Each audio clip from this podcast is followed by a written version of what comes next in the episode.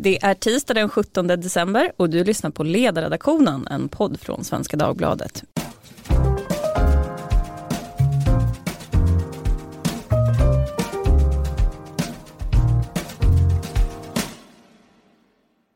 Jag heter Lydia Wåhlsten och idag ska vi prata om privata sjukvårdsförsäkringar. Men jag måste också göra en annan sak, annars får jag skäll. Glöm inte vårt fina erbjudande om att du kan få SvD gratis i två månader om du går in på svd.se jul. Ja, 700 000 svenskar har idag en privat sjukvårdsförsäkring och det motsvarar någonstans mellan var sjätte och var sjunde arbetande person. Och de allra flesta har ju det här genom sin arbetsgivare eller genom sitt fackförbund. Och hos till exempel Lärarnas riksförbund så kostar försäkringen för en kvinna i min ålder ungefär 100 kronor i månaden och då har man ingen självrisk. Och hos Unionen, Sveriges största fackförbund, då kostar försäkringen för samma person lite mindre men har en självrisk på 750 kronor per sjukdomstillfälle. Och från arbetsgivarens sida är ju det här ett viktigt verktyg för att människor ska kunna komma tillbaka till jobbet snabbare och inte fastna i väntan. Men igår så kom då en granskning som DN har och den menar då att privata vårdgivare som har avtal med försäkringsbolag väljer att leverera till de här kunderna i högre utsträckning samtidigt som man då har avtal med regionen. Man lämnar tider obokade för att ta hand om eventuella försäkringskunder. Effekten, menar kritikerna, är att de här privata sjukvårdsförsäkringarna tränger undan offentlig vård och att det på det här sättet uppstår en skiktning i vården som vi inte ska ha enligt hälso och sjukvårdslagen. Försvararna de menar istället att det här kan kopplas till hur avtalen faktiskt är skrivna och om det offentliga vill ha mer, ja då måste de också beställa mer. Och dessutom så pekar man på att summan av vårdgivare inte är konstant utan mer kapital kommer att göra att utbudet på sikt matchar efterfrågan bättre. Och det här med att Sverige har långa sjukvårdsköer, det är väl ingen som bestrider det. Och jag tror också att det är få som menar att själva köerna går att hänvisa då till de här privata sjukvårdsförsäkringarna. Tvärtom så har man nog mer på fötterna om man säger att kanske har de här lösningarna vuxit fram just för att vi har haft köer i vården. Och eh, expertgruppen för studier om offentlig ekonomi kom med en rapport för några veckor sedan som jag också har skrivit om. Och den visade någonting som kanske känns kontraintuitivt och det var att länder med försäkringsbaserad vård har kortare köer och faktiskt ändå samma jämlikhet som Sverige har. Sverige har ju som bekant en annan modell, en skattefinansierad modell och Vården finansieras kollektivt. Och nu är ju frågan att vi har då två parallella system som växer fram. går det att ha de här systemen parallellt eller uppstår det konstiga snedvridningar när man ska leverera utifrån olika premisser på det här sättet som DN kanske har visat? Det ska vi prata om idag och vi ska också försöka bena i vad det är som gör att företag och även privatpersoner vill teckna privata sjukvårdsförsäkringar när vården ändå är avgiftsfri. Det här ska vi prata om nu och det gör vi med Erik Agerberg, expert på socialförsäkringar på Företagarna. Välkommen Erik. Tackar. Med mig har jag också Jonas Lindberg, sjukvårdspolitisk talesperson för Vänsterpartiet här i Stockholm. Välkommen. Tack så mycket. Och med oss har vi en person som har varit här tidigare. Det är Emanuel Örtengren, ansvarig för välfärdsfrågor på Timbro. Välkommen du också. Tack, kul att vara tillbaka. Ja, DN hade ju då kontaktat tio privata vårdgivare. Nio av dem prioriterade försäkringskunder före de offentliga. Min första fråga låter så här, som ni gärna får svara ja eller nej på. Är DNs reportage oroväckande? Jonas? Absolut, det är det. Mm, Emanuel? Nej, jag tycker den här frågan, det räcker inte med att kontakta tio personer, utan det skulle behövas en grund, grundligare studie av det för att kunna dra några mer generella slutsatser. Ja, och vad säger företagarna? Ja, eftersom det är lite vilseledande. Okej. Okay. Ska vi börja med det vilseledande då? Det handlar väl om, om det här med att gå, begreppet att gå före i vårdkön. Eh, vi, vi, menar väl att det inte riktigt går till på det viset utan eh, regioner upphandlar ett givet antal operationer eller insatser eh, av ett privat företag. Om det privata företaget har så att säga en överkapacitet och säljer till andra aktörer så är inte det, så belastar helt enkelt inte det den offentliga vården. Ja, alltså då, då menar du att det finns dels en överkapacitet i vårdsystemet i Stockholm idag till exempel, där vi har jättestora tillgänglighetsproblem. Eh, och sen är det fel skulle jag vilja säga att det är inte så att vi beställer en viss volym vård och sen så får man liksom utöver det ta in försäkringspatienter. Utan de här vårdvalen som är konstruerade, de har inga tak. Utan då får man ta in hur mycket man vill och ju fler desto bättre. Så att eh, det där är ett gammalt argument som inte är aktuellt idag skulle jag säga. Det står ju eh, regionerna fritt att köpa in fler platser så att säga. Men det används inte av olika skäl. Men, men vi menar att det inte handlar om att gå före i någon kö på det sättet som det beskrivs i de här artiklarna. Så varför har man en försäkring då? Om det inte handlar om att gå före? Eh, det, det handlar om en annan kö. Det här är ju väldigt förvirrande det här med de här köerna. Emanuel, kan du reda ut för oss? Du som är en policynörd.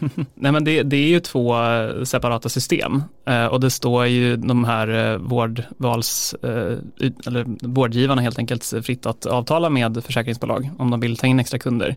Och sen det som kanske behöver belysas bättre, det är ju i vilken mån de prioriterar mellan Eh, försäkringskunder och offentliga kunder. Eh, och eh, det säger ju i det här reportaget som DN gjorde så intervjuade de bland annat en ryggkirurg som är vårdentreprenör och han menar ju att nej men, de här prioriteringarna sker på helt medicinska grunder och att visst är det så att de som har betalat en försäkring kan få en operation snabbare men det är en fråga om, han menar att det är ren, ren bekvämlighetsfråga om man får operation om det skiljer liksom två veckors tid.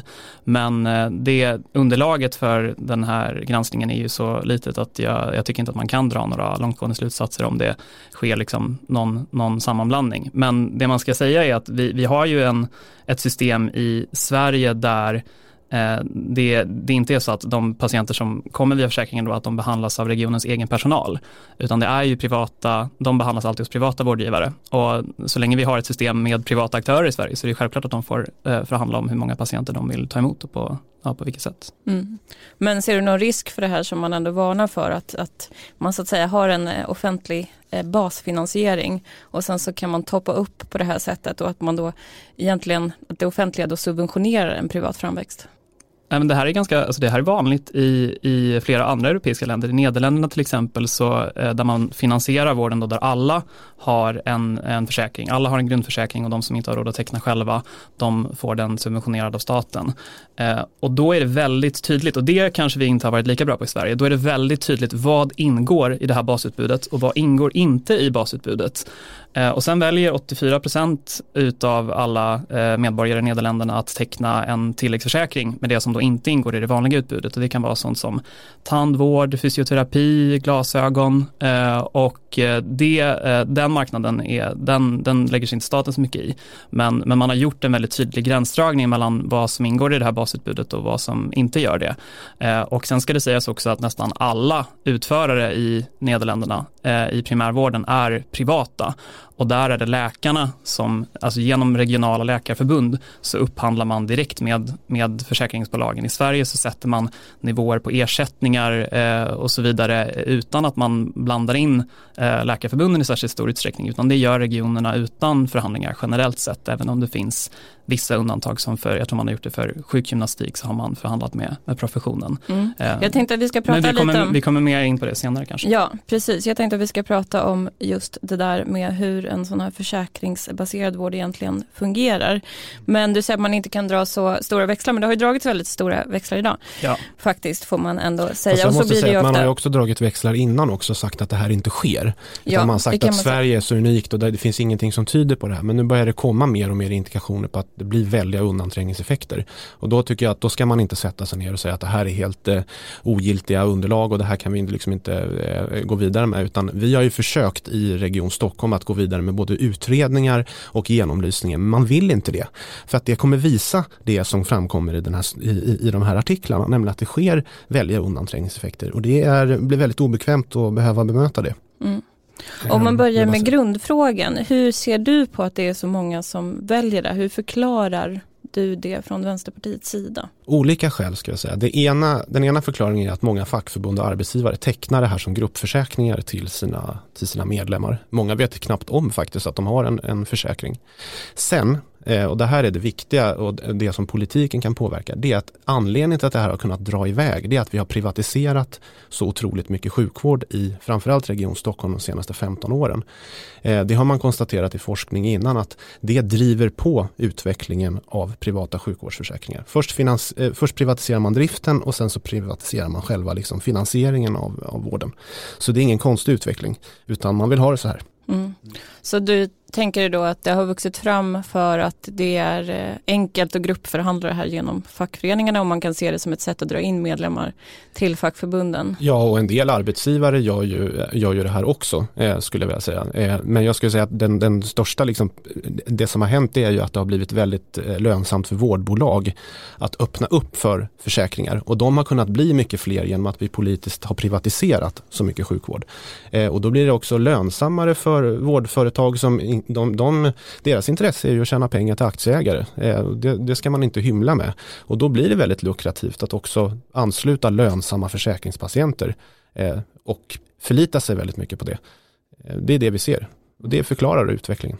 Fast det ska sägas också att just vårdförsäkringarna är en del och det är samma sak med, med nätläkarna som är ett annat fenomen som har blivit eh, bespottat när de har liksom gått före den offentliga vården i, i, i viss utsträckning och försökt erbjuda fler tjänster. Eh, just vårdförsäkringsdelarna, de går med förlust eh, generellt sett. Så att det här är ofta en, en tilläggstjänst som försäkringsbolagen har valt att lägga till som ett slags goodwill gentemot arbetsgivare och jag menar även Folksam där det sitter flera socialdemokrater i, i styrelsen, bland annat Anders Ygemans fru är ju med och eh, erbjuder sådana här försäkringar.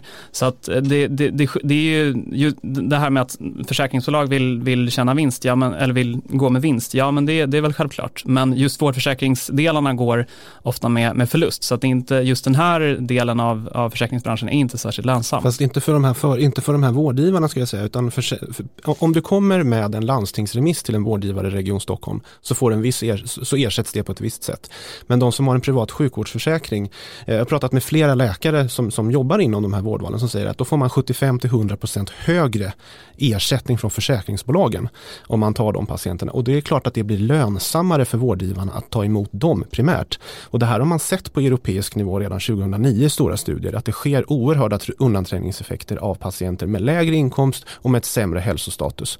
Det är ingenting att hymla, för, eh, hymla med utan det, det, det är så här det går till. Mm. Ja. Om jag vänder mig till dig Erik, ja. ja. precis. Varför är det här så viktigt från företagens sida att ha de här försäkringarna? Eh, det är otroligt viktigt eftersom det dyraste som kan drabba en företagare är att en medarbetare eller de själva för den delen blir sjuka. Och eh, då vet vi att eh, eh, man kan koppla det här också till det här långtgående ansvaret som arbetsgivare har fått. Så 2018 så stärkte man det ansvaret. Nu, är, nu har arbetsgivaren ett extremt långtgående ansvar för sina medarbetare. Och våra medlemmar och eh, företag generellt, 99% av Sveriges företag är under 50 anställda. Vår genomsnittliga medlem har 3 till 4 anställda och jobbar inom bygg och anläggningssektorn. För dem är det här det enda verktyget eh, som finns för att kunna ta det där ansvaret att eh, rehabilitera eller för den delen förhindra sjukskrivningar eh, bland sina medarbetare. Mm. Är inte det där då en, en viktig faktor, Jonas, att företagen kan steppa upp och både ta mer ansvar men kanske också ställa högre krav på sina anställda att de faktiskt eh, kan se att de går till doktorn istället för att sjukskriva sig? Jo, alltså, jag tycker att du, du lyfter ett, ett viktigt perspektiv. Det är arbetsgivarens ansvar vid, vid sjukdom. Eh, men då tycker jag det finns mycket andra bättre åtgärder att ta till. Det handlar ju framförallt om sjuklöneansvaret de första 14 dagarna till exempel. Alltså sådana saker som belastar en arbetsgivare hårt. Men det handlar det, framförallt, ska jag säga, om åter, plan för återgång i arbete ja, och så här, riktigt byråkratiska och absolut, besvärliga saker. Absolut, men det är ju så att alla människor som har, som, de flesta människor arbetar i, i, i det här landet och då blir det väldigt märkligt om vissa personer som har förmånen att ha en försäkring av olika skäl har företräde till vissa typer av insatser baserat på att just de har kvalificerat sig för en försäkring än om man har ett behov. För det finns, de, det finns säkert de arbetsgivare som som, som har medarbetare anställda som får en cancerdiagnos som inte är eh, omfattad av en, av en sjukvårdsförsäkring som behöver vänta mycket längre därför att patienter med försäkringar som är tecknade eh, kliver före i kön. Eh, det är det det i grunden handlar om. Det, hur ska vi prioritera eh, bland de patienter som väntar på hälso och sjukvård. Ska vi ta dem med lättare åkommor före eller inte? Jag, kan säga, jag jobbar till vardags som specialistsjuksköterska. Jag har gjort det i 12 år eh, och både inom akutsjukvård och intensivvård och eh, palliativ vård. Och det skulle få förödande medicinska eh, effekter om jag i mitt yrke på, på, på golvet prioriterade om och tog de patienter som har lättare och lindrigare åkommor före de eh, allvarligt dödssjuka. Men nu plötsligt så ska vi göra det här på systemnivå. Och, eh, och så, för, så föreställer vi oss att inte det får effekter. Det är klart att det gör det. Morten Palme gjorde en rapport för Svensk Försäkring eh, för något år sedan eh, om vem det är som omfattas av de här eh, försäkringarna. Och det handlar alltså om en genomsnitt 45-åriga personer i bygg och anläggningsbranschen som tjänar hälften tjänar under 36 000 kronor i månaden. Det är alltså inga, det är inga miljardärer som går före i vårdkön här utan det här är det enda verktyget företagare har helt enkelt fått ta ansvar för sin egen och sina anställdas för den delen försörjning. Man alltså, kunde ju önska att vi hade 700 000 miljardärer i Sverige men det har vi tyvärr inte. Jag läste någonstans också att hälften är eh, under bytpunkten för statlig skatt. Ja, alltså man kan, alltså så här är det att det är också så att de flesta är under 50 år, de flesta är män och de flesta bor i Stockholm. Eh, skulle jag vilja säga. Så det är, eh, och de som har de största vårdbehoven om man tittar liksom i demografin och, eh, och hur situationen ser ut, det är ju inte Eh, eh, män med högre inkomster under 50 år utan det är oftast de som är 65 plus. Eh, det är de vi tränger undan i huvudsak med det här. Det, Men det här med att tränga undan ändå undrar ja. jag kring, om du tillför mer kapital kan man inte tänka sig då att det skickar en signal till vårdsystemet precis som om du höjer skatten och sen så eh, lägger du de pengarna på vården. Det är ju egentligen samma mekanism här att du visar att här verkar det finnas ett behov som behöver svaras upp mot. Nej, alltså eh, så här är det ju att man, vi har inte hur mycket läkare och sjukvårdspersonal som helst i, den här, i det här landet. Det tror jag vi alla är eniga om. Och om det är så att personer, eh, en läkare tar hand om en patient med en försäkring i ett mottagningsrum en specifik stund, då innebär det att den personen inte tar emot en landstingsfinansierad patient i, i samma stund. Så det, det enda man gör i det här fallet är att man ändrar på prioriteringsordningen i den här kön. Mm. Eh, och att det blir, väldigt, det, blir, det blir väldigt lukrativt för företagen att få en inkomst på det här sättet. Det är mm. därför de gör det. Inte för att, eh, för att det finns ett, ett, ett större behov av, av, av sjukvård. Ja. Jag tycker att det är intressant att den här frågan är så pass liksom, stor ändå, precis som nätläkarna eller precis som mm. stafettpersonal. För att om man tittar på produktiviteten bland svenska läkare mm. jämte andra mm. läkare i andra länder så är den väldigt låg. Så jag tänkte vända mig till dig Emanuel, liksom mm. den stora, de här sakerna som vi diskuterar så mycket, jag tycker inte att de verkar handla egentligen om liksom sjukvårdens grundproblem. Varför har det mm. blivit sådana här liksom, politiskt laddade debatter istället för de här systemfrågorna? Medielogiken bygger ju på konflikter och det blir väldigt lätt med sådana här symboliska fall som Camilla Läckbergs klinik eller de här försäkringspatienterna eller nätläkare. Alltså det, det, det, är väldigt, i sammanhanget är det ju som du säger inte särskilt stora eh, volymer, eller ska jag säga, det, det, det är frågan om. Jag menar i eh, vad gäller nätläkarna så tror jag att de utgör kanske en procent av den totala vårdens kostnader. Men det är det att det är en rörlig kostnad som, som regionerna inte kan kontrollera och det är därför det skapar sånt, sånt tumult. Men det, jag, men jag, jag, jag, tycker att det, det som saknas i, i, den, i den svenska debatten, det är, vi verkar ju tro att det enda sättet att organisera vården är, är som vi gör i Sverige med, med så helt skattefinansierat och politiskt styrt och så vidare. Och så är det inte, Sverige är ganska unikt om man tittar runt i Europa. Normen runt om i olika europeiska länder är ju att lä läkare har egna kliniker. Och om du frågar till exempel, men Läkarförbundets egna undersökningar pekar ju på att vilken typ av vårdcentraler är det eller arbetsplatser är det där, där läkare trivs bäst? Jo men det är ju de som, läke, som är privat drivna och läkarledda. Och jag tycker att det, det som är lite synd är att det, det, det, kommer bort väldigt ofta i, i vårddebatten hur man ska ge professionen mer makt. Det är någonting politiker brukar tala sig varma om men det är någonting som man faktiskt sällan lever upp till i, i praktiken. Alltså det är ju, det är ju spännande, man kan ju göra en europeisk utblick eller en, en, global utblick och titta på det svenska hälso och sjukvårdssystemet så finns det väldigt mycket bra om man ser till kvalitet. Alltså det finns få länder eh, som, som, som är bättre än Sverige i att leverera god medicinsk kvalitet och självklart menar jag att det det hänger ihop med också hur vi har valt att finansiera och organisera vårt, vårt hälso och sjukvårdssystem. Eh, ni är ju väldigt tydliga, du tog upp Nederländerna förut som, som ett eh, föregångsexempel eh, till exempel. De har ju för övrigt, de har ju inte vinstdrivna försäkringsbolag som tecknar de här basförsäkringarna. De har inte, du... de har inte vinstutdelande. Nej, precis. Och Nej. dessutom så är det så att man pratar ofta om att vi ska avadministrera vården och göra den mindre byråkratisk. Det finns inget sjukvårdssystem som är så krångligt och byråkratiskt som ett försäkringsstyrt sjukvårdssystem med diverse mottagningar som, eh, eh, och avtal som man ska hålla koll på. Det var, det var bland annat det som Nya Karolinskas förre sjukvårdsdirektör eh, Melvin Sand som sa när han kom till Sverige att tack gode gud, nu har jag en huvudman att förhandla med och inte 50 försäkringsbolag eh, som alla ska ha sina eh, fördelar. Sen är ju det nederländska systemet väldigt märkligt för man har en basförsäkring och sen så har man tilläggsförsäkringar och det har varit oerhörda strider om vem som ska ha tillgång till den här eller vad som ska ingå i den här basförsäkringen och vissa saker har urgröpts. Man har ännu större problem än vad man har i Sverige med, med samordning och samarbete i vården och det är någonting vi har jätteproblem med här eh, till exempel. Så att eh, jag skulle vilja säga att man, man kan inte använda ett problem i svensk hälso och sjukvård för att göra det ännu värre. Eh, vi botar inte huvudvärk genom att dänga huvudet i en betongvägg. Utan mm. vi behöver hitta andra mm. sätt. Sam, samtidigt så, och det, det där, anledningen till varför vi, vi på Timbro har lyft exempel som Nederländerna och Schweiz, det är ju just för att de har lyckats mycket bättre med tillgänglighet och det är ju ändå det som är liksom det stora problemet i svensk sjukvård. Och där menar vi att den, den stora skillnaden mellan hur man organiserar vården i, i, i försäkringsbaserade system och i det svenska skattefinansierade, eller som i Storbritannien NHS som var ju en jättestor valfråga där nu, det är att man, man har i mycket hög utsträckning Eh, prestationsbaserade ersättningar till vården. Och om man jämför hur, man kan ju, det är klart att systemet vi hade i Sverige innan 1900 Eh, 70 där man tog bort den här liksom ersättningen per besök till läkare. Det, det var inte perfekt och det är klart att det, det, fanns exempel där läkare tog emot lättare fall. Men man ska ändå säga det att det var ungefär där någonstans kring 1970 när man införde det man kallade för sjukronorsreformen när alla skulle betala en fast ersättning per besök och läkare fick fast grundlön. Någonstans där börjar vi se hur köerna växer till i Sverige och om man jämför länder som har köer eh, som eh, Storbritannien och Sverige och länder som inte har lika mycket köer så är just prestationsbaserade ersättningar är liksom en, en, en stor eh, skillnad där. Och det lyfter ju till exempel den här ESO-rapporten som Claes Renberg som är professor i hälsoekonomi vid Karolinska institutet presenterade för några vecka sedan. Att det här är ett element i försäkringsbaserade system som vi i Sverige eh, borde kunna lära av.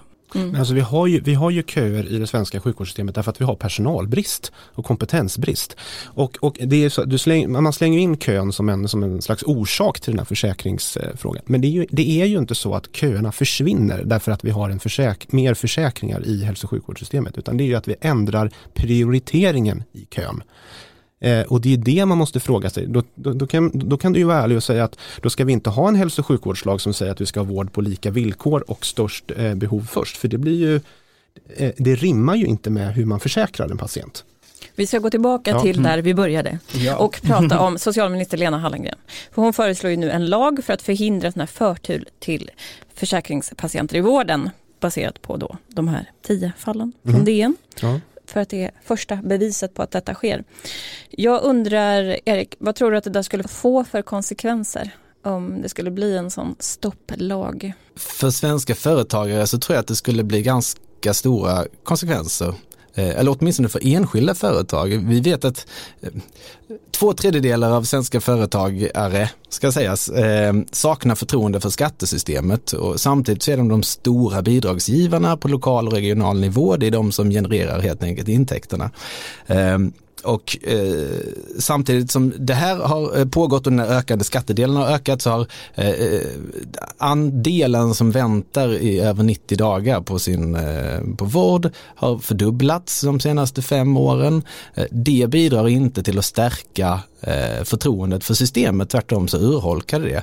Eh, och ehm, de svenska företagen har helt enkelt inte råd att vänta längre. Det är därför de, när vi pratar om de här diskussionerna innan här om varför eh, de här privata sjukvårdsförsäkringarna har vuxit fram så eh, ingen företagare i synnerhet vill betala två gånger för samma produkt och nu är det nästan med beskattning tre gånger eh, i värsta fall. Eh, de gör det här av ren överlevnadsstrategi eh, och eh, jag tror inte heller att eh, vårdköerna magiskt kommer att försvinna här genom eh, Eh, privata försäkringar.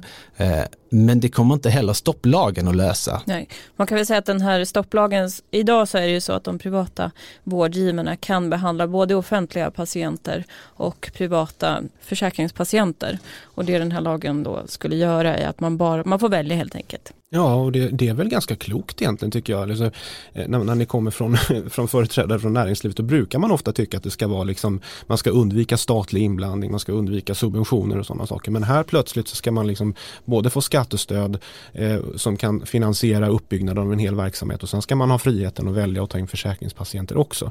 Alltså det, det tror jag vi, det, det, skulle vara mycket bättre om man särskilde det här och hade, ja, då, vill du ha en privat sjukvårdsförsäkring för att gå till en hel privat mottagning i sådana fall.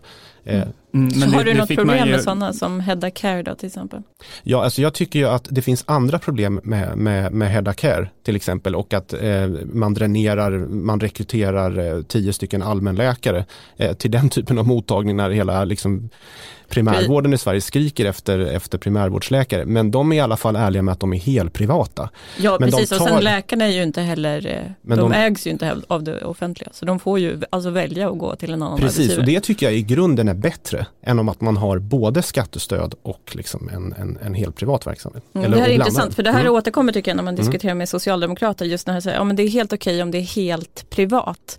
Det är just den här sammanblandningen som tycker är lite jobbig. Vad säger du om det där ja, Emanuel? Ska man jag... se det som att det är liksom en basfinansiering från det offentliga och sen så har man liksom det här som en toppa upp även för den egna affärsmodellen. Ja, men det, men det är den debatten jag tycker vi måste ha i Sverige. Vi måste ha en debatt om vad, givet att vi har begränsade resurser, vad är det liksom som det offentliga ska gå för och vad ska man stå för själv? Och jag menar, jag, jag diskuterade ju här i Opinion Live för någon vecka sedan om just Hedda Care och det jag tyckte var så märkligt i den debatten var ju att där fick ju Eh, där var en ledarskribent från Aftonbladet, Lotta Ilona eh, Hyvönen, som stod och debatterade mot mig och då eh, tyckte att det som Jonas säger här är helt okej, att det var ett problem. Så att det, det jag inte riktigt förstår är hur, hur vill socialdemokrater och vänsterpartister ha egentligen? Tycker man att det är okej att folk ska få använda sina pengar som de vill och att läkare inte är livegna och så vidare? Eller tycker man att vi helt enkelt inte ska ha någon privat sjukvård i Sverige överhuvudtaget? För man kan inte stå, och det gäller ju samma för, för, för oss från höger för den delen, att vi, vi måste liksom diskutera liksom vilken roll ska det offentliga kontra det privata spela. Eh, och vi måste dra de där gränserna mycket tydligare än vad de är idag, för att annars får vi de här debatterna om den här gränsdragningen om och om igen och det skapar osäkerhet. Eh, och den osäkerheten leder till idag att många eh, företag som skulle kunna vara med nu och, och, investera i vårdcentraler och äldreboenden och andra delar av välfärdsverksamheten, de gör inga investeringar i Sverige längre. Därför att den här debatten vi hade om vinster fram till Reepaluutredningen kom och sen slutligen föll i riksdagen, den, den gör att investerare vågar inte investera i Sverige. Och de investerar i andra länder i Europa. De bygger äldreboenden och vårdcentraler i Tyskland och Frankrike. Men i Sverige så tycker man att nej men, ni har liksom inte bestämt er, vad, hur vill ni ha det egentligen? Så det här skapar en osäkerhetsfaktor som gör att privatkapital försvinner från Sverige där vi skulle kunna ha behövt det. Mm. Man kan väl också säga att det kommer att öka osäkerheten eftersom att det kommer väldigt mycket sådana individualiserade läkemedel och, och behandlingar nu. Precis. Och de är ju väldigt dyra ofta. Och jag skrev en text där jag menar att man måste bli mycket mer öppen kring den eh, ransonering som trots allt sker. Så att man då kan som patient vara säker på att okej, okay, men det här är det som ingår och sen så är det saker som inte ingår. Då finns det ju några regioner som har skickat patienter till exempel till Sofiahemmet och där har det varit väldigt dyra behandling, kostar 70 000 kronor i månaden för vissa cancerproblem. Eh, eh, samtidigt är det så här, det är också eh, fullständigt tror jag för de flesta omoraliskt att inte säga att det finns behandlingar, de är dyra men de flesta skulle kunna betala dem genom att ta ett lån eller på annat sätt, söka pengar eller sådär eh, på annat håll och vara ärlig med det då i, i den offentliga vården. Vad säger du om det där Jonas? Vad tror du om utvecklingen där vi kommer få se mycket dyra behandlingar som antagligen inte kommer kunna finansieras inom det offentliga? Hur ska man hantera det där? Ja, men alltså, egentligen är det väldigt, blir det en konstig debatt för det här landet är rikare än vad det någonsin har varit. Vi har jättestora resurser och förmögenheter i det här landet och ändå har vi en situation i, i, i den här regionen där vi nu har varslat över 1000 personer från våra akutsjukhus. Eh, vårdcentralerna går fullständigt på knäna. Eh, och det tror jag är en medveten politisk strategi i det, att man vill montera ner det som vi gemensamt har. Eh, och då öppnas vägen upp för att vi ska betala mer själva, vi ska ha mer försäkringar, eh, du kan inte lita på att allting omfattas. Det är, det är ett politiskt vägval. Jag tycker inte att vi behör, behöver landa i, i, i ett sådant samhälle. Utan att det handlar om beskattning. Eh, tycker man att det är viktigt att eh, släppa igenom en, en slopad värnskatt till exempel. Eh, och ha väldigt mycket privatdriven sjukvård som vi vet är dyrare? Eh, eller ska vi satsa på vår gemensamma välfärd? Det är det, det eh, det här handlar om och jag ser ju nu hur hur många är jätteoroade över hur det monteras ner, hur man sparkar folk från alla typer av eh, välfärdsverksamheter, skola, socialtjänst, sjukvård, samtidigt som vi har jättestora behov. Och så kommer man och säger så här, nu får du betala mer själv för vi har inte råd med det här. Det är klart att vi har det. Eh, mm. Men ty, om... håller du med mig om att patienter inte vet om den här ransoneringen som trots allt alltid sker inom ett system? Ja, alltså, ja absolut. Jag tycker att det är ett ganska litet problem just nu. Liksom, med, jag, tycker ofta, jag träffar många patienter som har svåra cancersjukdomar och de flesta Eh, en del får väldigt dyra eh, behandlingar, andra får det inte. Eh, det är ett väldigt individualiserat beslut man måste ta, upplever jag. Och jag tycker inte att vi är i någon slags situation där vi måste ransonera med våra läkemedelsresurser till, till våra svårast sjuka patienter. Mm. Den, den bilden vill jag absolut inte förmedla här. Nej. Ja, men det sker ju alltså en ransonering och den bygger ju då på olika etiska principer som formulerades av riksdagen 1997. Ja, och det är väldigt, jag tycker att vi har liksom för lite debatt om det allmänt, om hur man då gör den här typen av bedömning och vad är ett liv värt och så vidare. Ja, men alltså, absolut, men den får aldrig grunda sig i ekonomi, eh, i min bild. Eh, men det jag tycker att man kan vara mer, det vi kan prata om i sådana fall, om vi ska prata om mer, vad ska man betala själv och vad ska ingå i det offentliga, det är ju nätläkarna. Varför skattesubventionerar vi det? Eh, om man öppnar sin telefon och vill prata med en läkare på treans buss till jobbet. Det är en sån sak som jag tycker som vänsterpartist att vill man det då kan man betala det själv. För här har vi skvätt, i, skvätt iväg 250 miljoner på tre år från Region Stockholm till de här nätläkarbolagen. Men ska har... det gälla även när eh, regionerna utvecklar egna vårdappar som Nej, har precis samma jag, upplägg? Det tycker jag inte därför att det som, är, det som är unikt med regionen det är att vi har inte särskilt digital vård från den fysiska utan vi har det ihop. Jag vill ja. bara inflika att när ja. du säger att det inte ska handla om, om ekonomi ekonomi, eh, mm. så, så gör det ju ändå det. Jag menar det finns ju tre principer och det väl intressant när LO och Läkarförbundet gick ut på DN Debatt för några veckor sedan och eh, hade i och för sig en, en mer, mer konstruktiv eh, ingång än, än vad, vad vissa andra har när de säger att så här, ja, men, vi förstår att offentliga, varför man, man vill ha privata eh, försäkringar därför att man tycker att offentliga inte levererar men vi ska stärka den offentliga vården så att de inte behövs. Det var ungefär den ingången de hade. Mm. Och då nämner de ju då behovs och solidaritetsprinciperna som är de, de två främsta principerna i, i riksdagens riktlinjer från 97. Mm. Men det finns ju en tredje och det är kostnadseffektivitet. Och det är där de här eh, specialiserade skräddarsydda läkemedlen som nu växer fram kommer in. Och då är frågan vad, ja, hur, hur ska vi bestämma eh, vem som ska få dem och på, på vilka grunder och ska man kunna betala och i min debatt med, med Aftonbladets ledarskribent så slutar det med att ja, men man ska inte förbjuda folk från att söka vård utomlands. Och då, då menar jag att okej, okay, men, men då är ju problemet uppenbarligen att de inte ska använda den svenska sjukvårdens resurser. Samtidigt så tar ju regionerna emot patienter från andra länder, så jag förstår inte riktigt hur de här resonemangen går ihop. Det blir någon slags kortslutning där.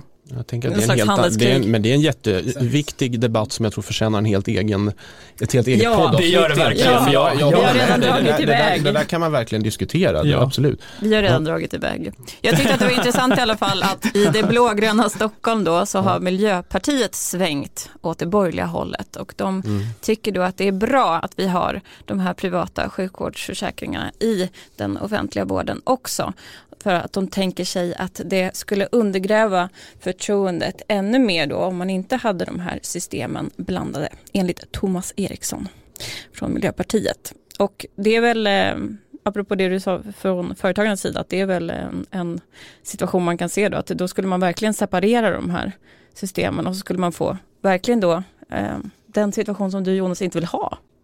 Alltså Nej, det är alltså, helt separat. Ja, alltså det är ju bättre. Alltså det är ju mycket bättre, för då, för då kommer vi också svälta ut eh, försäkringsbranschen.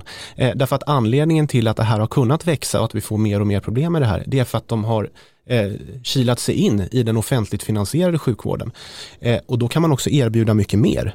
Därför att i, eh, i den offentligt drivna sjukvården så finns det en hel infrastruktur med utbildning, med undersökningsmöjligheter, med, med väldigt mycket bra vårdverksamhet som man med, med en försäkring kommer snabbare åt Eh, och det är det jag menar att vi måste liksom sätta, sätta stopp för. Och då kan vi på allvar utveckla eh, och resursförstärka sjukvården så att den blir bättre för alla istället för några få. Några få är fortfarande 700 000 svenskar, nästan var sjätte person som arbetar i Sverige. Så det är ju inte sådär jättefå och risken är väl då att det skulle bli eh, de som hade sjukvårdsförsäkring helt privat redan innan. Min sista fråga är om ni skulle önska er något i julklapp. Jonas julklapp är helt uppenbar, en stopplag misstänker jag. Ja. Ja, och en helt offentlig finansierad vård utan köer. Absolut. Ja, vad önskar sig Erik? Eh, jag eh, önskar mig att Sveriges företagare får lite uppskattning av både allmänheten och politiken och till att börja med att man tar bort förmånsbeskattningen för privata sjukvårdsförsäkringar. Det hade varit jättehärligt. Ja, det är bra att du är optimistisk här efter dagens artiklar då om att den här stopplagen åter är, återigen är på debatt och att de borgerliga partierna verkar minst sagt lite svajiga när det kommer sådana artiklar. Emanuel, vad önskar du dig? Jag önskar mig en, eh, ja, det är kanske optimistiskt, men en, en mer seriös sjukvårdsdebatt nästa år om prioriteringar och om hur vi ska ge eh, professionen, läkare, sjuksköterskor, större inflytande över vården nästa år. Och med det så får jag säga stort tack till er allihopa för en bred och härlig debatt denna tisdag. Jonas Lindberg, Vänsterpartiet, Emanuel Örtengren, Timbro och Erik Agerberg från Företagarna. Och imorgon är det dags för oss att spela in vår sista podd innan jul. Så då får ni hemskt gärna lyssna. Hör av er som vanligt på ledarsidan svd.se. Hej då!